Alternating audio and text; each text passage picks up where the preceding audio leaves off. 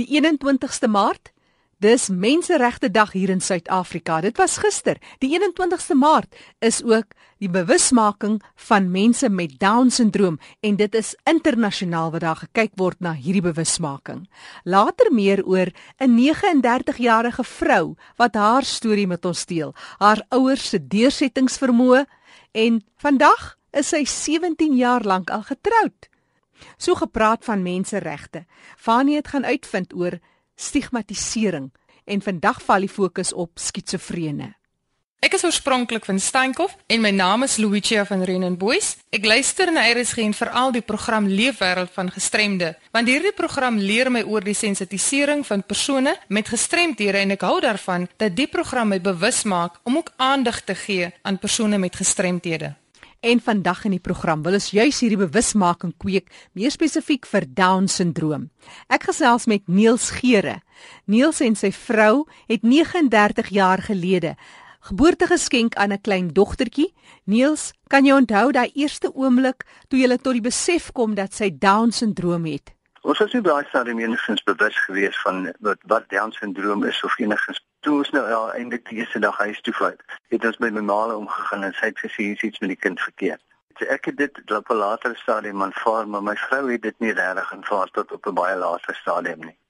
ons het toe maar ehm um, jy weet dan so 'n kleiner ouderdom, jong ouderdom kleuterskole toe gevat en later stadium was sy ook in die laerskool. Maar ons het voor dit het ons haar na Switserland toe geneem waar sy die inspuitings gekry het. Ek dink 'n skaapsel inspuitings wat hulle gegee het vir haar. Eh, dit het nie, ek weet nie of dit enige uitwerking gehad het nie, maar dit het beter gegaan met haar spraak en jy weet haar optrede en goed is of sy meer kalmer was op daai stadium. Hmm. En uh, later seker 3 jaar daarna het ons haar Engeland toe geneem waar sy so opleidingssessie gehad het met mense wat ons nou goed met haar gedoen het, jy weet, skryfwerk en alles en so aan. So sy het toe normaalweg skool gegaan in die laerskool tot so standaard 4. En daarna het is ek en haar ma so uitmekaar en haar ma het haar toe in Benoni in 'n skool gesit en sy het redelik goed gedoen in die skool. Uh nou nie so 'n normale kind nie, maar redelik goed. Mm.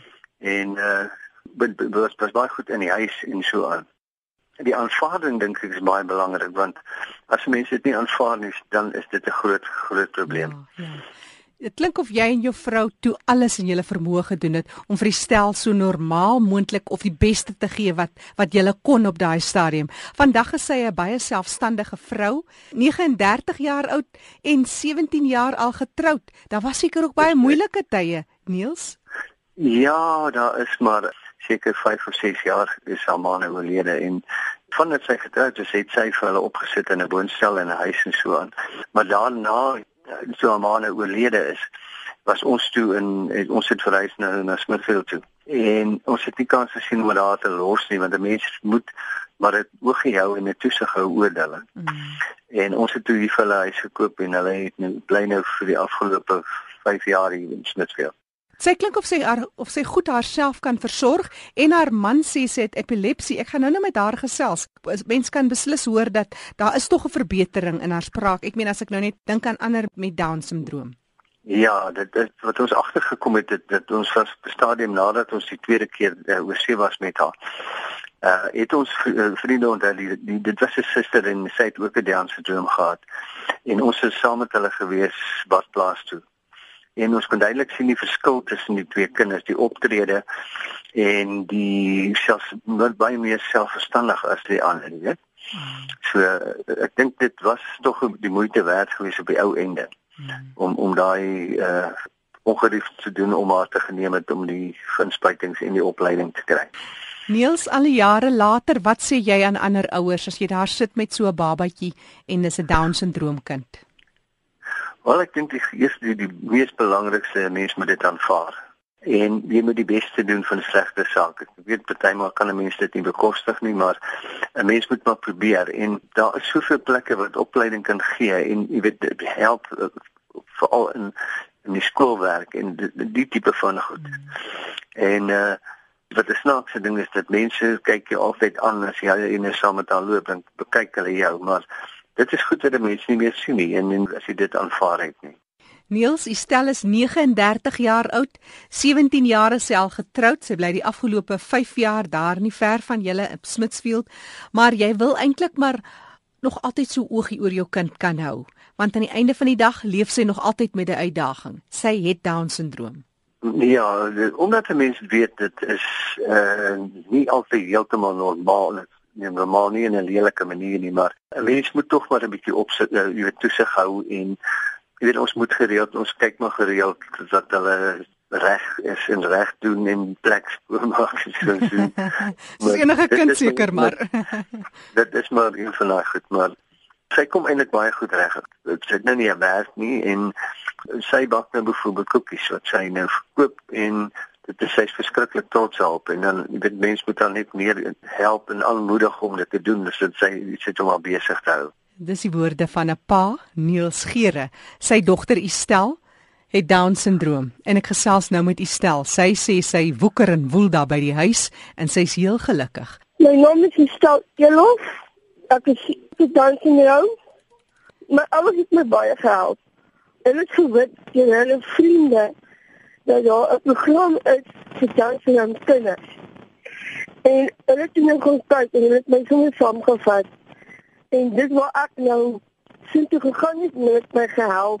As die besoekers in die Kaap en as dit te broer in Johannesburg en dan sit ek. So is dit net drie.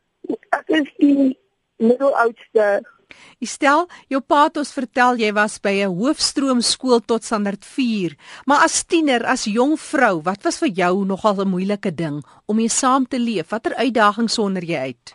Ek was bietjie terug teruggetrokke omdat omdat hulle omdat ek nou genoem was. Hmm.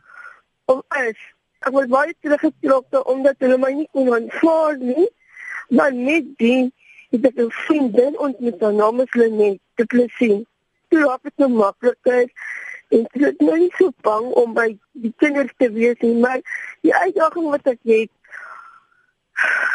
wil ek net sê dit is wonderlik om hier te doen. Maar stel, jou droom is ook om kinders te help. Ja, ek wil graag. Ek, ek wil graag kinders help soos ek. Mm. Maar ek het nie ondervinding. Hoe meer ek in kontak kom met hulle, hoe makliker gaan dit vir my wees om met hulle te kon gesels. Mm. Ek het 'n vriendin, um, haar naam is Sonja. En sy het dansie nou. En ek moet sê kom baie goed oor die weg met mekaar. Want ek het sê wat ek skool saam. So ja. Maar vertel ons, jy het iemand in jou lewe, jy's 'n getroude vrou, Estel? Ja, ek is nog getroud vir 17 jaar. Vertel ons bietjie van jou man, wat is sy naam? Sy naam is Frans Jelof. Hy is nou amper 51 jaar oud en hy kry epilepsie. En ek het ook geleer hoe om hom te werk met sy epilepsie. En so het ek en hy um, begin by mekaar uitkom en begin lief raak vir mekaar. En jy sal jou lewe gee vir Frans? Ja, sê sy sê dit so nou. Stel, daar's baie uitdagings, maar julle lewe op julle eie, julle het julle eie huisie, julle is gelukkig. Wat is van jou lekkerste goed wat jy so oordags doen? Ek glo dit baie hier. Ek, ek kan nie wag vir Sondag om na julle te luister nie. maar kyk, ons luister eers die die wat julle nou van 7 uur af en dan om 8 dan luister ons na sterre planete. En dan gesels ons met God. En ons doen baie dinge saam ek het nou begin om koekies te bak. En en ek koop dit nou. En ek is huisvrou en ek is baie gelukkig. En hier is baie goed vir ons. En Frans wat doen hy?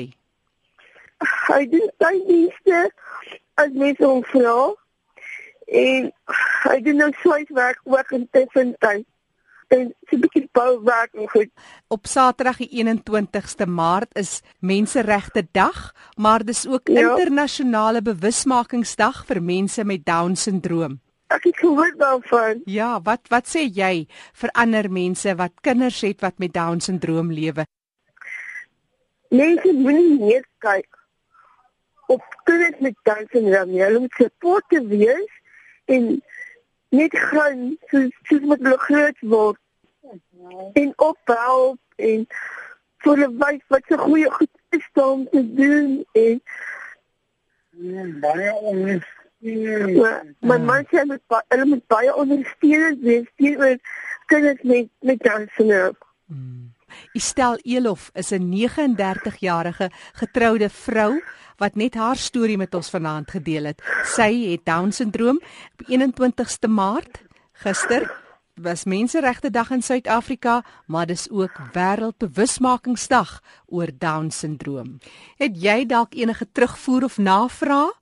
Dit was juist na aanleiding van Estel se SMS dat ek haar en haar pa opgespoor het. Stuur 'n vinnige SMS na 3343. 'n SMS kos jou R1.50. Ons hoor graag van jou.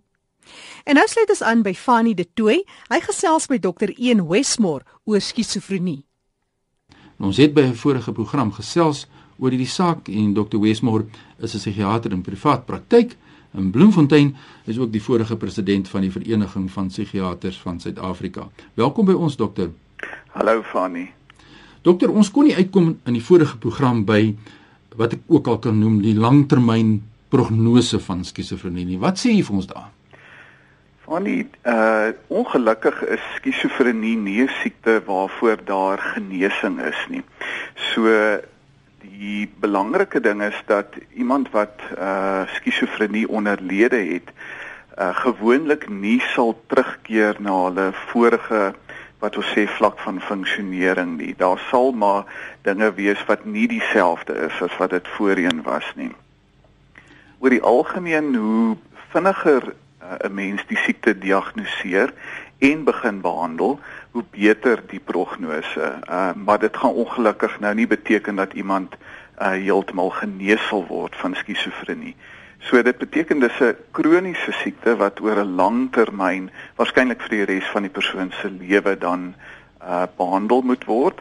Dit kan gebeur dat daar uh terugvalle kan wees waar die persoon dan weer episodes kry waar hulle sieker is, ehm um, en dan uh episodes van psigose kry en dan tussendeur uh dat hulle dan heeltemal uh sonder psigose is maar hulle sal nooit weer uh, na daai erge eerste episode uh, van psigose kan terugkeer na die vlak waar hulle was voordat hulle uh, siek geword het nie.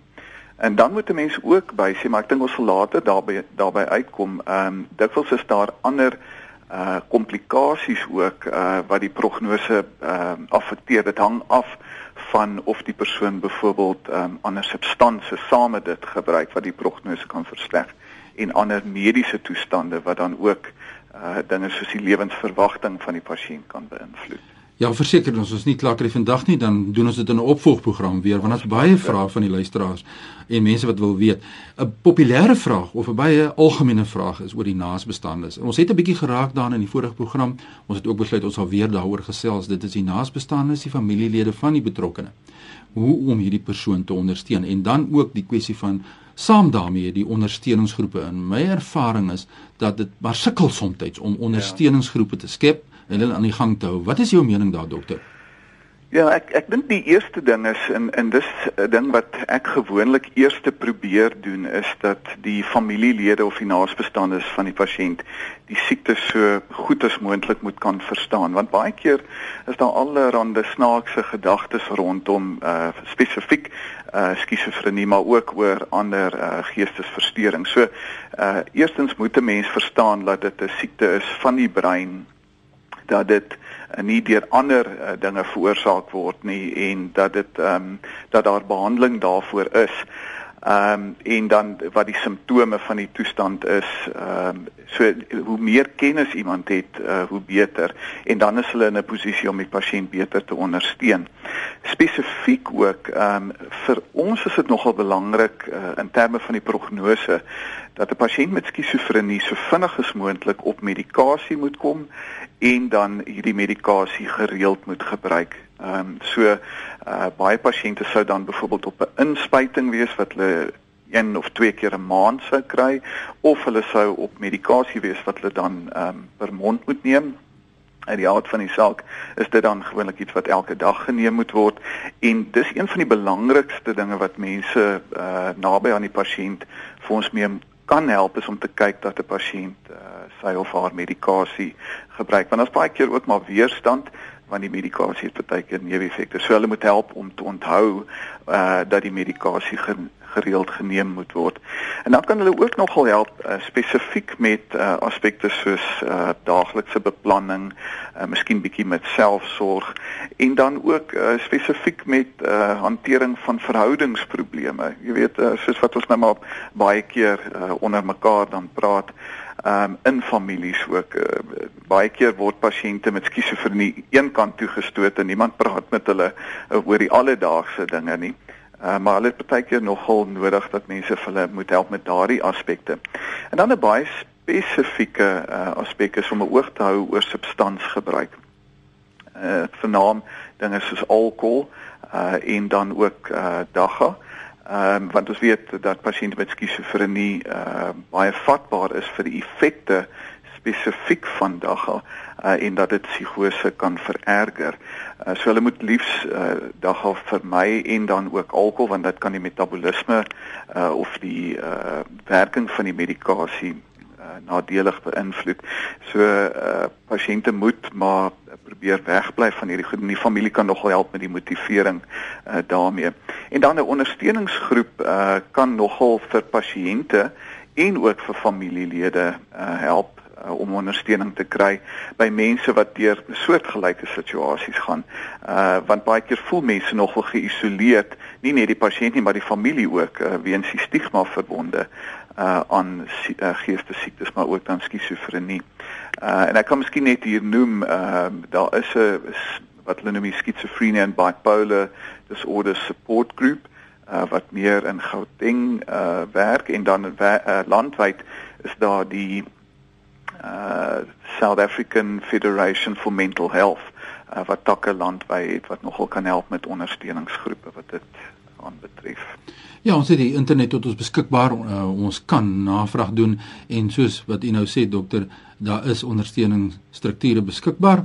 En wat nou net by ons aangesluit het, ek gesels met dokter Ian Westmore in huis van Bloemfontein, 'n psigiater en ons kyk na die kwessie van skizofrenie. Nou dokter, 'n populêre vraag of twee vrae wat baie saam verband met mekaar hou en dit is die kwessie van die stigma wat saamgaan met die diagnose van skizofrenie en dan die kwessie binne die werkverband. Nou ons is in die program Leefwêreld van die gestremde. Ons kyk na mense met verlies en dan kyk ons mense wat as gevolg van daardie verlies, die vlak van daardie verlies dan deur twee goed uh geen teen gediskrimineer word en die een is deur middel van soos ek dit kan stel houdings in ingesteldheid van mense. En dis waar hierdie stigma vandaan kom of ter sprake kom. En natuurlik dan ontoeganklike omgewings. Hoe, kom hierdie persoon dan nou 'n persoon met 'n gestremdheid as as gevolg van die uitsluiting, die diskriminasie en die stigma. So kom ons kyk net eers gou vinnig, wat is die kwessie rondom die stigma en dan wil ek spesifiek daarbey aansluit. Wil ek hê iemand vir ons vir die luisteraars sê die werksituasie. Wat kan die pasiënt doen? Kan hy werk en hoe hanteer mense dit in die werk?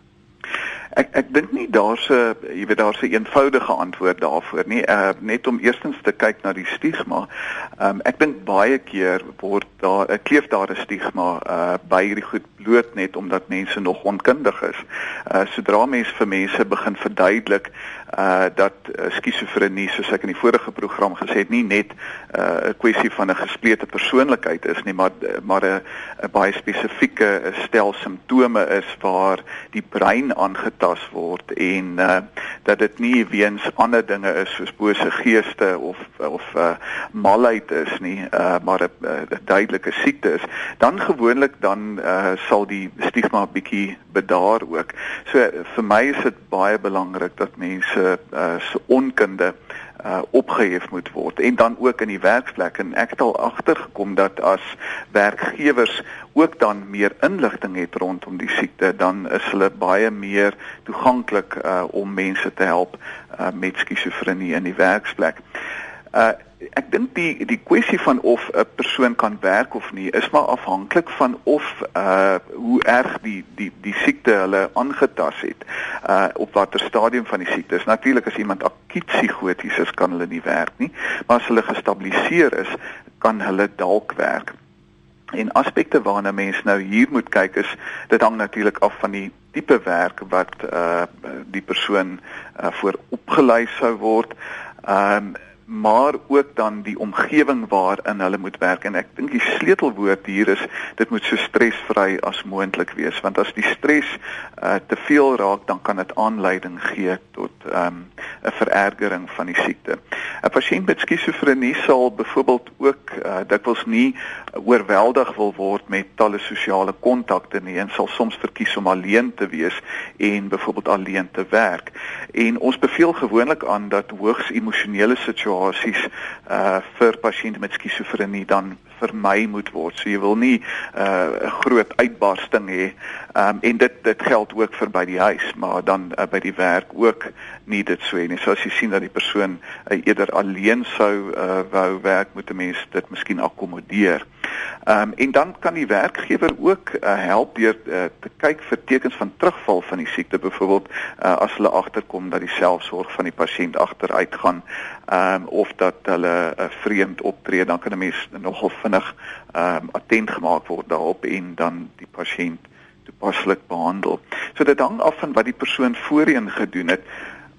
Soos ek aan die begin gesê het is dis dis onwaarskynlik dat 'n persoon weer sal funksioneer op die vlak waarop hulle was, maar dit beteken nie dat hulle nie enigsins kan werk nie. Hulle kan miskien uh, in dieselfde omgewing werk, maar iets doen wat minder spannend is um, of wat minder gekompliseerd is afhangend van die uh, werksituasie.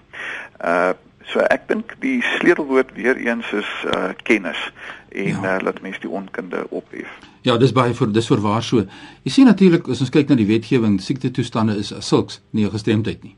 Maar die voortvloeiende impak, dis ja. waar die ding inkom en dis waar die die stigmatisasie en die uitsluiting vandaan kom. Nou uh, werkgewers kan redelike akkommodasie in plek sit. Nou die probleem met en die uitdagings is wat ek het sien gaan oor ons maak voorsiening baie maklik vir redelike akkommodasie wanneer dit gaan oor die die sigbare forme van verlies. So geboue is toeganklik eerstens vir fisies, rolstoele, opritte en dis meer. Maar wanneer dit kom by hierdie situasies, dan is dit baie moeilik omdat die mense soos jy sê dit nie verstaan nie. So ons moet regtig waar hard werk dink ek in Suid-Afrika en u kan sê of jy saamstem, wat is die as ek dit so mag stel, die rolstoel van die persoon met 'n geestesongesteldheid. En dit is waar die probleem kom. Dis nie of daar redelike akkommodasie in plek gesit moet word nie. Dit is so, maar die mense is onkundig. Soos jy dit gesê het, mense is nie blootgestel nie, mense is bang en dit is waar ons baie harde werk kan doen. So, as nou die tyd om uit te brei, maar stem jy saam met hierdie vertrekpunt? Ja, nee, absoluut. So. Ek kan miskien vinnig net sê, ehm um, een van die aspekte wat mense dikwels nie uh, sien in skizofrenie nie, is dat daar kan inkorting wees van uh kognisie of intellektuele funksionering. So byvoorbeeld jou konsentrasie en jou geheue kan aangetast wees, maar die graad waartoe dit gebeur uh, kan varieer van pasiënt tot pasiënt en dit sal natuurlik afhang van die graad van aantasting uh wanneer 'n mens dan besluit oor hoe die pasiënt geakkommodeer moet word, uh, ja. spesifiek wat konsentrasie aanbetref. Ja, dis verseker, maar dis nou makliker om aan te pas en te weet wat die hmm. vlak van uh, die verlies van 'n kwadriplegie of 'n mens met kwadriplegie, 'n mens met paraplegie en 'n mens met hemiplegie. Hmm. En uh, dit is so minder forme, die visuele forme van gestremdheid as ook kan stel. Dit sê soms aan die agterspeen in die toepassing van die wetgewing. In 'n volgende program gesels ons verder. Baie dankie. Uh, nou ja, weens uh, professionele redes is, gaan ek vra dat mense wat navraag dit direk aan my moet stuur, dokter? Dis reg so. Daar's hy. Ek gaan nou my kontakbesonderhede gee. Baie dankie dokter vir hierdie gesprek. Ons gesels weer in 'n volgende program. Groot plesier. Nou ja, as jy met my wil gesels, my wil volg, stuur sommer nou 'n e-pos aan my by fani@roadtoindependence.co.za. Terug na jou in die goudstad, Jackie. En onthou, Jy kan weer gaan luister na hierdie insetsel. Gemaak het draai op ons webtuiste erisg.co.za, klik op potgooi en soek vir leefwêreld van die gestremde. En saam met Fanny de Tooi groet ek Jackie January tot 'n volgende keer.